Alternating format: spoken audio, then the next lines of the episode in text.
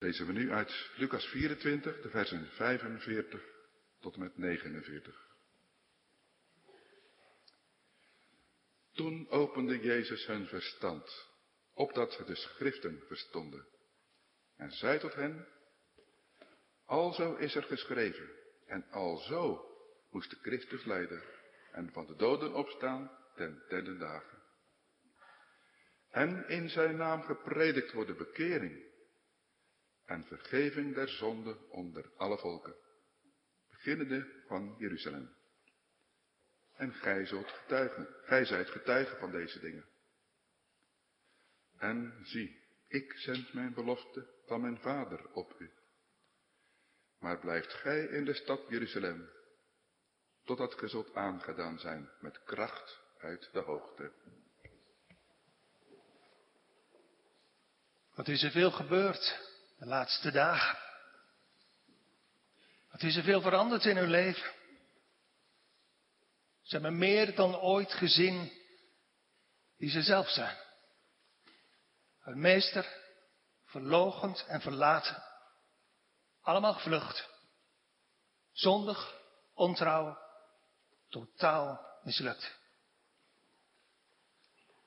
Eerder hadden ze geen oog voor de noodzaak van zijn lijden en van zijn sterven en van zijn opstanding.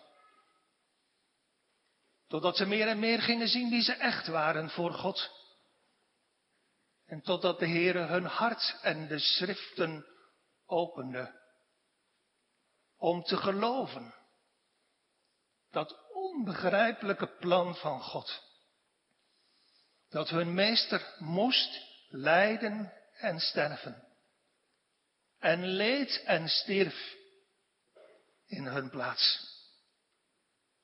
Hij opende de schriften en hij opende hun hart. Kijk maar in vers 45 en 46. Toen opende hij hun verstand, opdat zij de schriften verstonden. En zei tot hen, alzo is er geschreven. En alzo moest de Christus lijden en van de doden opstaan ten derde dag. En toen, toen opende hij ook hun mond om die boodschap, de boodschap van totale mislukking aan de kant van de mens en van vrije genade aan Gods kant, om die boodschap te gaan preken onder alle volken, beginnende van Jeruzalem. We overdenken vanmorgen met Gods hulp Lucas 24, vers 47. Het 47ste vers van Lucas 24. En in zijn naam gepredikt worden bekering en vergeving van zonden. Onder alle volken, beginnende van Jeruzalem. Tot zover. Gemeente, we zouden deze tekst kunnen bekijken en overdenken vanuit zendingsperspectief. We zouden kunnen letten op de prediking van dit evangelie onder al de volken. Maar ik wil het accent vanmorgen vooral leggen bij dat wonderlijke begin van die evangelieverkondiging.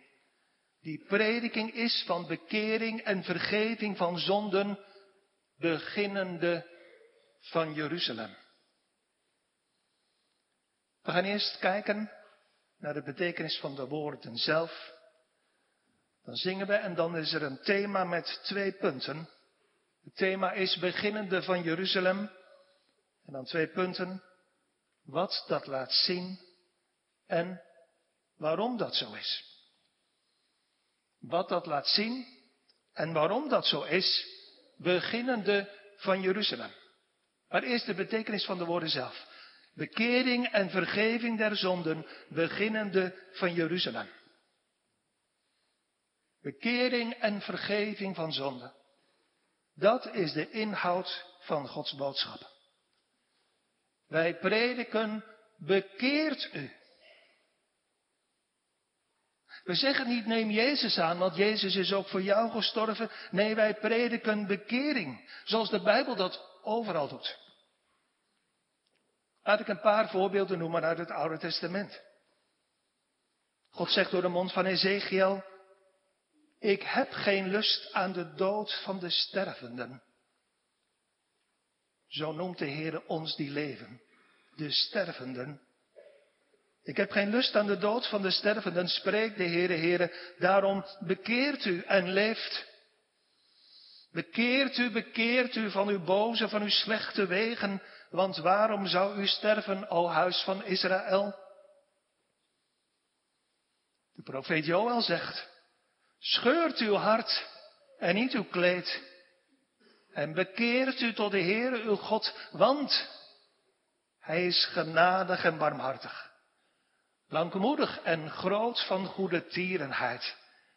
En berouw hebbend over het kwaad. Het Oude Testament is er vol van, maar ook het Nieuwe Testament. Petrus zegt het op de, op de Pinksterdag in Handelingen 2, vers 38. Bekeert u en een van u worden gedoopt in de naam van Jezus Christus tot vergeving der zonden. En u zult de gave van de Heilige Geest ontvangen. En later in Handelingen 17. God dan de tijden der onwetendheid overzien hebbend, verkondigt nu alle mensen alom dat zij zich bekeren. Bekeert u. Wat betekent dat eigenlijk? Dat betekent, het is een hele bekende term. Een hele Bijbelse uitdrukking, bekeert u. Bekering betekent eigenlijk letterlijk, ga anders denken. Ga anders denken over jezelf. Ga eerlijk, echt eerlijk denken over wie je bent voor God. Niet goed, maar eerlijk, vol van slechtheid. Niet heilig, eerlijk, niet heilig, maar vol van zonde. En niet vroom, eerlijk zijn, maar vol van goddeloosheid. Ga eerlijk denken over jezelf. Ga eerlijk en bijbels denken over God. Ga eerlijk denken in je hart tegenover wie je staat. Voor een God die niet alles door de vingers ziet, maar voor hem, zoals de dichter zegt van Psalm 7, die ten alle dagen torent over de zonde. Niet voor een God met wie jij vriendschap kan sluiten of wil sluiten. Want eerlijk zijn, je hebt hem verlaten. En sindsdien heb je niets anders gedaan dan hem getergd en geminacht. En hem, zoals Jeremia zegt, de nek toegekeerd. Ga anders denken, bekeert u, ga anders denken over jezelf, over God en over Christus. Hij kwam niet voor goede mensen, maar voor verloren mensen. Hij kwam niet voor goedwillende mensen, maar voor vijanden. Ga anders denken. Dat is de opdracht van het evangelie. Ga anders denken, dat wil zeggen, heb berouw over wie je bent. Over wat je altijd gedacht hebt. Over wat je gedaan hebt. Tegen God. Je hebt met hem gebroken. En tegen Christus. Je hebt hem veracht. En heb berouw over al dat kwaad. Omdat je dat allemaal gedaan hebt tegen een zondevergevend God. Tegen een bloedende zaligmaker. Tegen een heilige wet. En tegen een liefdevol evangelie. Heb berouw. En heb blijvend berouw. Niet zomaar een keer een dag of een moment, maar blijvend. Met andere woorden, laat je tranen, je zonde tranen, blijvende tranen zijn. En laat je zonde schaamte, blijvende schaamte zijn. Om zoveel kwaad, tegen zoveel goed. Dat, zegt vers 46, vers 47, moest en moet gepredikt worden. En dat prediken wij u. Bekeer u en heb berouw. En beleid uw zonde en breek ermee. En wij preken tegelijkertijd de bron, de oorsprong van die bekering en van dat berouw. Want dat is ook al niet iets wat je zelf doet of zelf maakt. Geen eigen beslissing, geen eigen prestatie, geen eigen keus. Want, zegt Petrus in Handelingen 5, deze Jezus heeft God door zijn rechterhand verhoogd tot een vorst en zaligmaker om Israël te geven. Bekering en vergeving van zonde.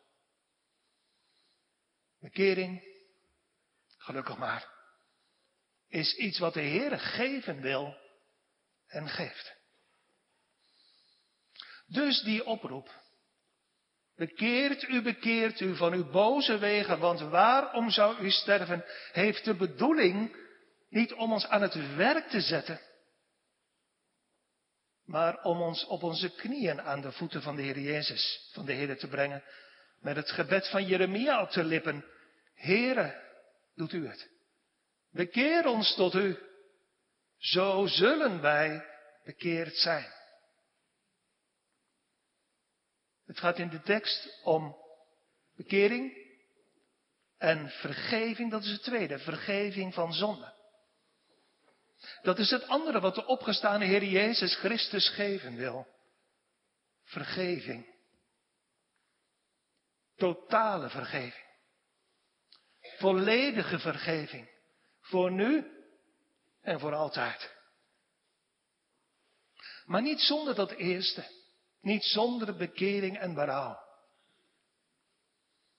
Dat is geen voorwaarde die je zelf moet vervullen. Want ik zei net al, dat is niet iets wat wij doen, wat wij presteren.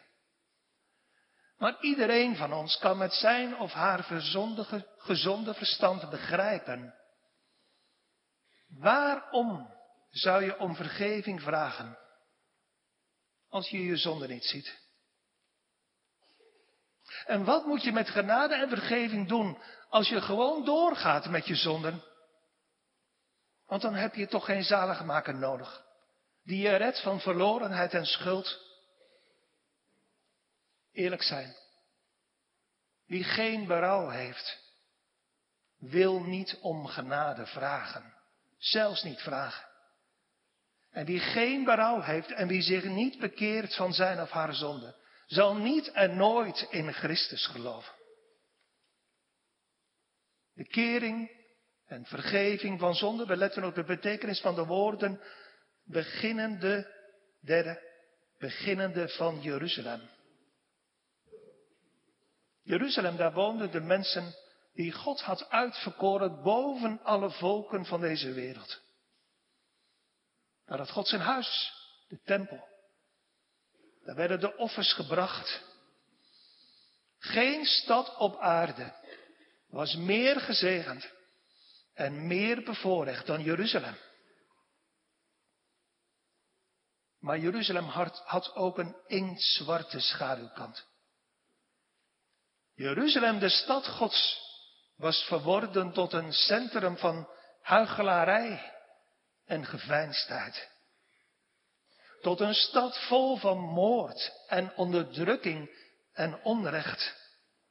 De stad waar Christus, de mens geworden zoon van God, was bespot, geslagen verworpen en gekruisigd. Jeremia zei het al profetisch in Jeremia 32. Het gaat over Jeruzalem. Zo zegt de Heer. Want tot mijn toren en tot mijn grimmigheid is mij, zegt de Heer, deze stad geweest. Van de dag af dat zij haar gebouwd hebben, tot op deze dag toe. Opdat ik haar van mijn aangezicht wegdeed.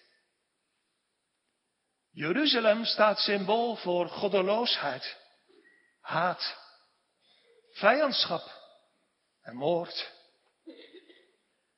De mensen die erin wonen hebben Gods verbond verbroken en veracht. Hebben gezondigd tegen al Gods geboden. Het zijn de grootste zondaars. En ze hebben Jezus van Nazareth gekruisigd. Het zijn zijn grootste vijanden. Maar nu, in deze nieuwe tijd, nu moet het evangelie gepredikt worden. Ook nu. Ook hier. Het evangelie van bekering en vergeving van zonden, juist tegen zulke mensen. Beginnende van Jeruzalem. En we gaan met Gods hulp zien. In de eerste plaats wat dat laat zien. En in de tweede plaats waarom dat zo is. Er moet gepredikt worden. Bekering en vergeving van zonden, beginnende van Jeruzalem. Ons eerste punt, wat dat laat zien. Waarom, alvast een beetje vooruitlopend op punt 2, waarom moeten de discipelen zometeen beginnen in Jeruzalem? Omdat dat geprofeteerd is, omdat het zo verzegd is in het Oude Testament. Dat was ook de reden dat het moest. Jezaja bijvoorbeeld had gezegd, want uit Sion zal de wet uitgaan en des Heeren woord uit Jeruzalem. Joel had geprofeteerd op de berg Sion en te Jeruzalem zal ontkoming zijn. En de profeet Zacharia had gesproken over levend water, stromend uit Jeruzalem. Het was voorzegd. Dat is de reden waarom ze daar moeten beginnen. En, tweede reden, zeker ook omdat in Jeruzalem alles kort geleden gebeurd is. Daar is de Heer Jezus gestorven, begraven. Daar was hij opgestaan en verschenen. Maar er zijn nog meer redenen te noemen. Waarom, denkt u met me mee alstublieft? Waarom stuurt God zijn knechten naar bepaalde plaatsen om te preken? Zoals naar Jeruzalem? Of zoals naar Capelle Bieselingen? Ook omdat de tijd voor Jeruzalem nog maar kort is. Ze moeten beginnen in Jeruzalem, want Jeruzalem zal binnenkort verwoest worden. Geliefde gemeente, ik sta hier omdat uw genadetijd nog maar kort is. God stuurt zijn discipelen ook als eerste naar Jeruzalem, omdat daar oppositie te verwachten is, verzet. Daar wonen mensen die het evangelie van Christus al jaren gehoord hebben, kennen en haten. Daar zal het gaan gisten, want daar leeft diepe vijandschap tegen deze Jezus, die de discipelen nu moeten gaan preken. En de discipelen zijn er bang voor. Begrijpelijk. Ze hebben de deur op slot gedaan uit vrees voor de Joden. Maar God stuurt ze er wel naartoe. Want genade zal het verzet breken.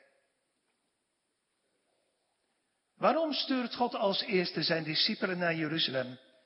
In de vijfde plaats en vooral omdat daar, hoewel de mensen in Jeruzalem uitermate vroom en godsdienstig zijn en zich uitermate goed voelen, omdat daar en hier de grootste zondaars wonen.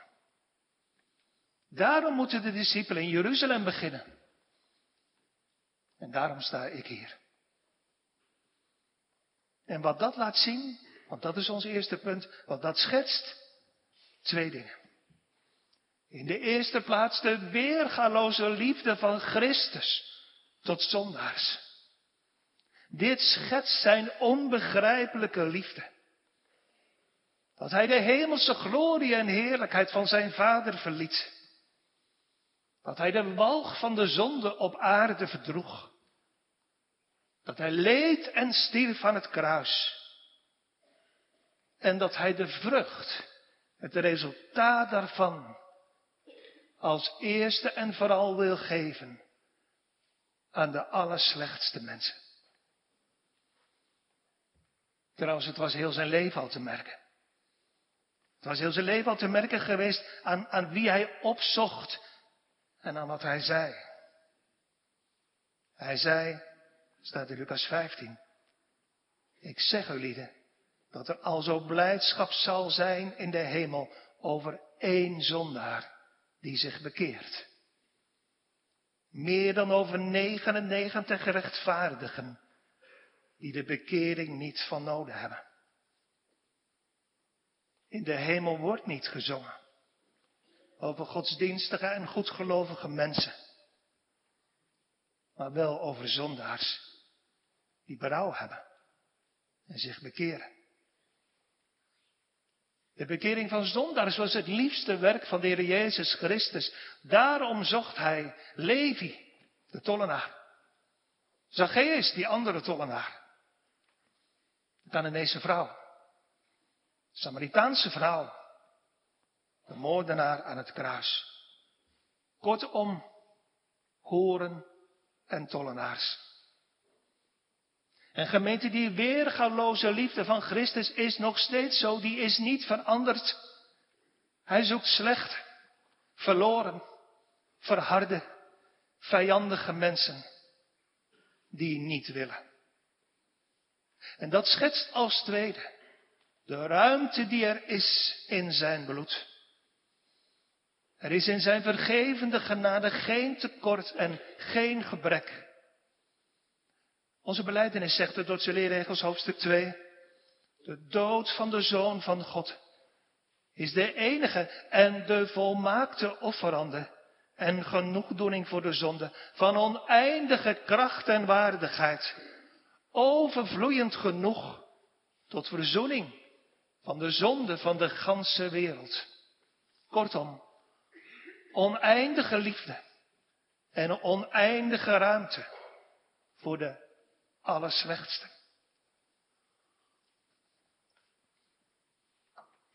Wij zijn geneigd, ja toch, om de beste mensen voorrang te geven. Maar de gedachten van de Heer, zegt Jezaja, zijn hoger dan onze gedachten. Hij geeft voorrang ook vanmorgen aan de slechtste. Want jongens en meisjes, wie moet er als eerste gewassen worden? Wie een beetje vies is, of wie heel erg vies is. Dat klopt, wat je denkt. Degene die het meeste vies is en die het smerigste is, die gaat als eerste onder de douche. En zo is het ook bij de Heer Jezus. Zondaars. Erge zondaars. Slechte zondaars. De allerslechtste zondaars. Wie u ook bent en wat u ook gedaan hebt, u wordt als eerste genodigd door God. De meester is daar en hij roept u. Om u, wie u ook bent, als eerste te helpen. Ja, ik weet het. Juist u, grootste van de zondaars, u bent geneigd om te denken en dan denkt u nu ook stilletjes dat het voor u niet kan. Maar denk niet dat u te slecht bent. En denk zeker ook niet dat u eerst uzelf moet verbeteren of moet opknappen. Dat is een rechtstreekse afwijzing van dit aanbod van het evangelie. Onze Heer heeft zelf gezegd, predik bekering en vergeving van zonde en begin bij mijn vijanden. Begin bij de moordenaars van mij. Ja, als u uzelf in uw hart zo slecht niet voelt, kan ik me wel voorstellen dat u dat mateloos irriteert. Maar als dit uw leven is, u bent een vijand van God, een moordenaar van de zaligmaker, en een verwerper van de Christus, dan is dit een blijde boodschap voor u. U kunt het misschien net als de discipelen van blijdschap niet geloven. Maar het is wel waar. De Heer roept u als eerste. Kom dan, nu, zoals u bent. Ellendig, zoals Johannes zegt. Ellendig, arm, jammerlijk, blind en naakt. Bent u te hard? Bent u te koud? Denkt u dat? Bent u te vijandig? Te slecht? Omdat u misschien nog wel steeds in de zonde leeft tegen betere weten in. Omdat u voelt dat u diep in uw hart de zaligmaker veracht. En uw leven lang zijn bloed al vertrapt hebt. Denkt u dat? Maar luister nou, dan hoort u juist toch bij dit soort van mensen. Dan hoort u toch juist bij de grootste van de zondaars. Ik preek u vanmorgen in Jezus' naam bekering. Breek met uw zonde en kom met beleidenis, blijvend berouw en blijvende schaamte. En ik preek u in Jezus' naam vergeving van zonde. Dat wil zeggen, neem uw hemelhoge schuld en leg die op het hoofd van het lam van God. Dat door God gegeven is tot bekering en vergeving van zonde. Ons tweede punt, waarom dat zo is. Beginnende van Jeruzalem. Ik zei al een paar redenen daarvoor waarom de discipelen daar moesten beginnen. Het was voorzegd door de profeten. Daar in Jeruzalem was ook alles gebeurd. De tijd van Jeruzalem was kort. Daar was oppositie en onrust te verwachten. Maar genade zal overwinnen. Niet door kracht of door geweld, maar door de Heilige Geest die komen zou en gekomen is. Een paar redenen heb ik u genoemd, maar laten we wat meer proberen door te dringen tot de kern. En denkt u met me mee. Waarom is genade bestemd voor de grootste van de zondaars? En niet voor goedwillende vrienden? En waarom biedt God nu genade aan? Aan de slechtsten van ons? Waarom? Wie wordt er op de spoedeisende hulp van het ziekenhuis het eerste geholpen? De ergste zieke. De ergste gewonde, toch? Aan wie wordt er een reddingsboei toegegooid? Aan degene die help roept omdat hij bezig is te verdrinken, toch? Zo is het ook hier en nu. Ik mag namens mijn meester en zender u genade en vergeving aanbieden. Vrij, onverdiend, komend uit zijn liefdehart, oprecht en welgemeend, als het als eerste aan de grootste van de zondaars. Waarom? Nou, in de eerste plaats omdat u die genade het meest nodig hebt. U hebt die genade. Allergrootste van de zondaars. U hebt die genade het meest nodig. U die in uw hart en uw gedachten, in uw ziel onderdreigt te gaan. Onder de golven van uw zonde en schuld. Luister goed en geloof dit woord. Er is genade beschikbaar. Genade voor de allerslechtsten van de zondaars. Want Jezus is gekomen om te zoeken en zalig te maken dat verloren was. De Heer heeft het toch zelf gezegd. Ik ben niet gekomen en stel, degenen die gezond zijn, die hebben de meeste medicijn meestal niet nodig, maar die ziek zijn. Ik ben gekomen om te zoeken zondaars tot bekering. Daarom, dat is de reden. Daarom at en dronk de Heer Jezus met tollenaars en zondaars. En daarom nodigt Hij u nu. Die genade die past niet bij eigen goedheid. Die past niet bij eigen gerechtigheid. Die past niet bij zelfgemaakt geloof. Die past niet bij eigen keuze. Die past niet bij eigen godsdienst en eigen vroomheid en eigen goede werken. Die past bij niets van ons dan bij onze zonde. Genade past bij schuld, bij ellende, nood en dood, bij totale mislukking.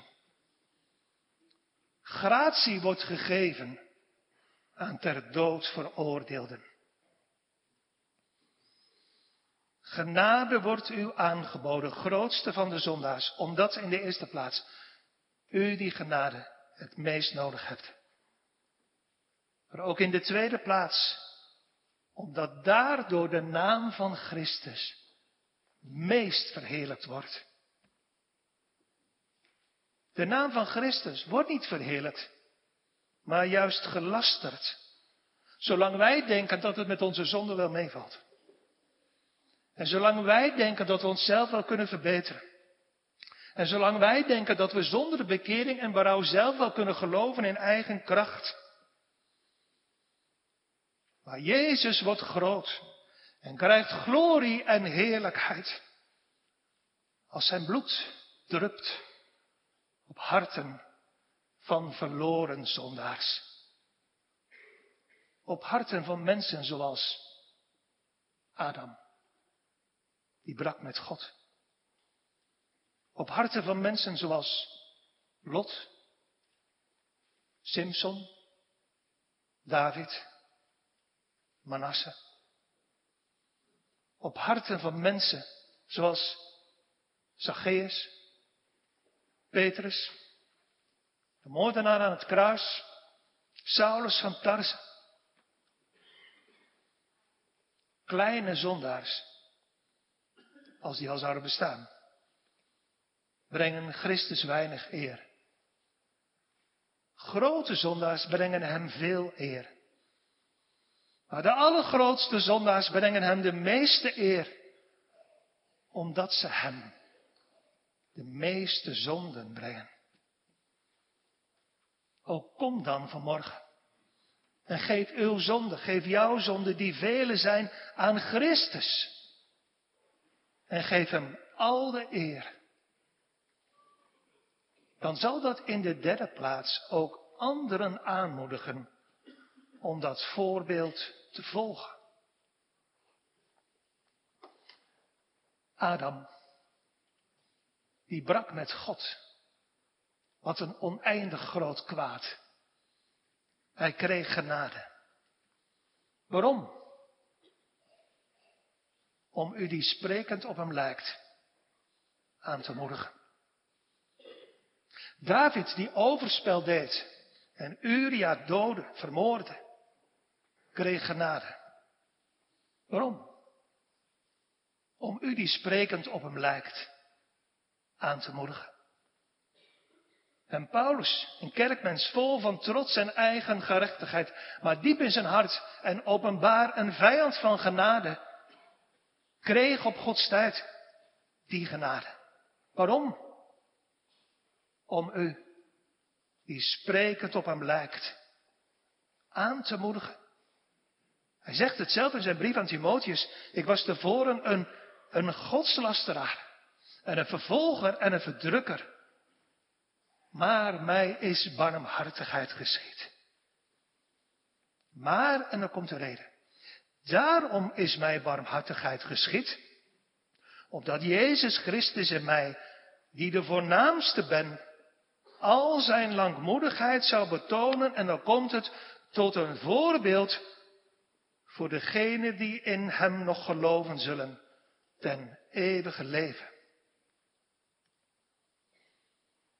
U die een groot zondaar bent, bent geneigd om in uw hart te geloven dat uw zonden te groot en te veel zijn.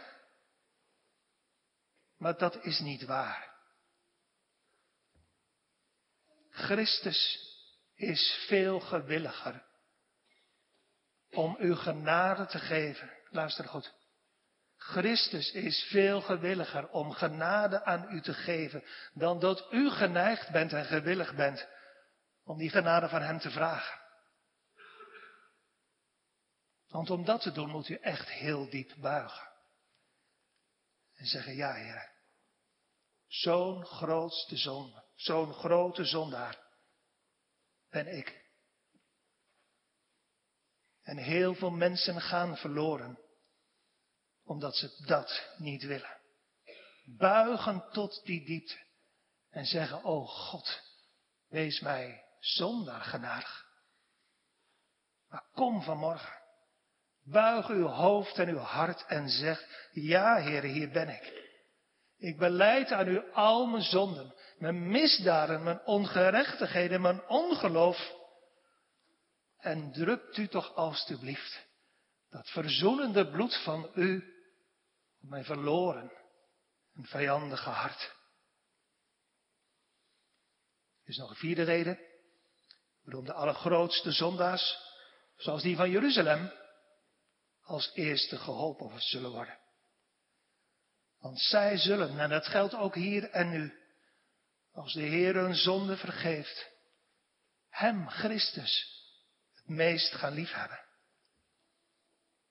Als je, denk maar aan de geschiedenis waar ik een tijdje geleden over preekte, aan de geschiedenis van de zondares die de voeten van Jezus nat maakte met haar tranen.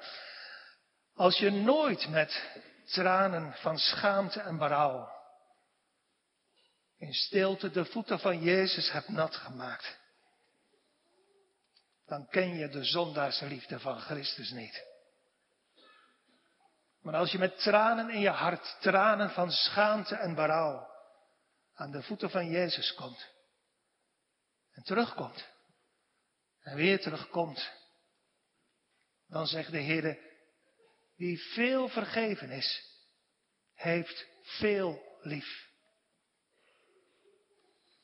Want Christus heeft niet alleen zondaars lief, maar wordt ook hoog geëerd door de liefde van zondaars tot Hem. En daarom ik bid u, zondaars, kom tot een liefhebbende Jezus. En heb Hem lief en geef Hem eer om zoveel genade en gunst.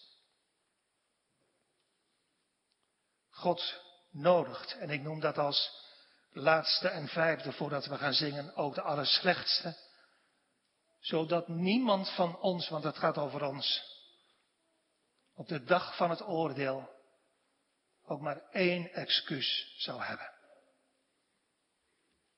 Nooit zult u met K-in kunnen zeggen. Dat kon al niet, maar vanaf vandaag helemaal niet meer. Nooit zult u met K-in kunnen zeggen, mijn zondeheren waren te groot. Want u hoorde de nodiging.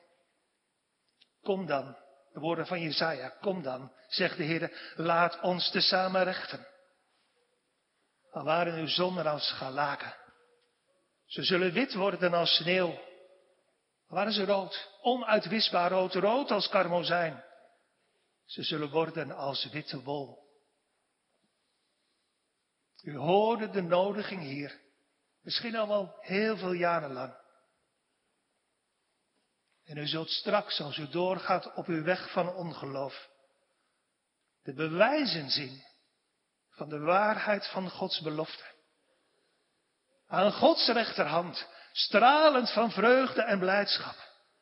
Adam, Lot, Simson, David, Manasse, Petrus, Saulus van Tarse. De hemel zal vol zijn van geredder zondaars, van de slechtste soort, die eeuwig zullen zingen van genade en goedheid. En als u dan straks buiten zult staan, en ik hoop en bid dat dat niemand van ons zal gelden, maar als u straks dan zult buiten staan, dan kunt u maar één ding concluderen. Mijn zonden zijn niet de reden van mijn ondergang. Maar ik wilde niet horen bij de zondaars. Daar voelde ik mezelf te goed voor. En ik geloofde de vriendelijke en de hartelijke woorden van Jezus niet. En ik maakte diep in mijn hart God uit voor een leugenaar. Ik wilde niet buigen. Lieve mensen, weet en geloof dat de meest liefdevolle nodiging van genade u op die dag in het gezicht zal slaan. Het zal Tyrus en Sidon verdraaglijker zijn in de dag van het oordeel dan u. Gemeente nog een paar laatste woorden. Bekering en vergeving van zonde wordt u gepreekt, zoals die begonnen is in Jeruzalem. Bekering en vergeving van zonde. Mag ik u vragen, hebt u zich al bekeerd? Hebt u al berouw gehad, jij, van je zonde? Bent u al gekomen, zoals de Bijbel zegt, met smeking en geween, om uw schuld voor de Heer te beleiden? En hebt u persoonlijk al gezien en ervaren dat de Heer genade geeft? Aan de grootste van de zondaars. Als dat niet zo is, mag ik u dan vragen wat de reden daarvan is? Hebt u niks met God? Luistert u daarom niet naar wat Hij zegt? Gelooft u niet dat u op weg bent naar de eeuwigheid? Hebt u geen onsterfelijke ziel? Of denkt u dat u uw eigen weg zult vinden om het oordeel straks te ontgaan? Vertrouwt u dit aanbod niet? Maar dan wantrouwt u Christus. Of is dat het misschien? Voelt u, u zich er te goed voor? Denkt u niet dat u de zaligmaker dan heel veel verdriet doet? De laatste weken, lijden, Pasen, hebt u gehoord en gelezen wat hij allemaal gedaan heeft voor zondaars. En nu biedt hij u genade en vrede aan met God. Aan u, wie u ook bent als de allerslechtste. En zegt u nu weer in uw hart, laat maar. Heer, aan de kennis van uw wegen heb ik geen lust. Moet u dan, net als ik, ook niet denken aan de tranen die Jezus huilde. Dikke tranen over zijn wangen, over Jeruzalem. Toen hij zei, Jeruzalem, Jeruzalem, u die de profeten dood en stenigt, die tot u gezonden zijn, hoe menigmaal heb ik uw kinderen willen bijeen vergaderen, zoals een hen haar kuiken zonder de vleugels vergadert. En u hebt niet gewild. Wat is uw antwoord? Geef antwoord in uw hart. Wat is uw antwoord op de hartelijke en indringende nodiging van Christus? Daar hangt alles van af. Uw leven, uw toekomst, uw sterven, uw eeuwigheid. Bekeert u en gelooft het evangelie. Bukt u? Buigt u? Breekt u aan zijn voeten? Dan zult u zonder twijfel zalig worden. Of blijft u staan? Bijna christen. Maar dit is toch net iets te veel gevraagd. Erkennen dat ik zo slecht ben. Ik zeg u, als u dat blijft doen, gaat u zeker voor eeuwig verloren. Kom toch, door de weg die de Heer u wijst. Niet hoogmoedig, niet trots, niet zonder bekering en berouw, want dat is klinkklare hoogmoed. Maar kom met berouw. Het gebogen hoofd als een vernederde zondaar. En breek met uw zonden. En kom en draag die uw zonden tot Christus. Het lam Gods dat de zonde der wereld wegdraagt. Geloof in de Heer Jezus Christus. Die kwam om vuile zondaars te redden van de ondergang. En u zult zalig worden. Maar laat ook dit tot slot tot u doordringen. Het aanbod van het evangelie, beginnend in Jeruzalem, is slechts een dagaanbieding. Morgen kan het te laat zijn. Dus kom nu. Want God zal niet altijd twisten met de mens. En Christus zal niet altijd zo liefdevol blijven nodigen. Afwijzen van zijn allervriendelijkste nodiging doet hem bitter verdriet. En kan en zal dus niet eindeloos duren. Daarom, aarzel niet, slaap niet en weiger niet, maar kom. Zie toe, zegt de apostel in Hebreeën 12, dat u die die spreekt, Christus spreekt tot u, dat u hem niet verwerpt. Want indien deze niet zijn ontvloden, die degene verwierpen, dat was Mozes, die op aarde goddelijke antwoorden gaf, veel meer zullen wij niet ontvlieden, ontvluchten, zo wij van ons van die afkeren die in de hemelen is. Namelijk als u zich van Christus afkeert, die zit aan de rechterhand van zijn Vader in de hemel. Lieve mensen, verhard u niet, maar laat u tot Christus leiden. Amen.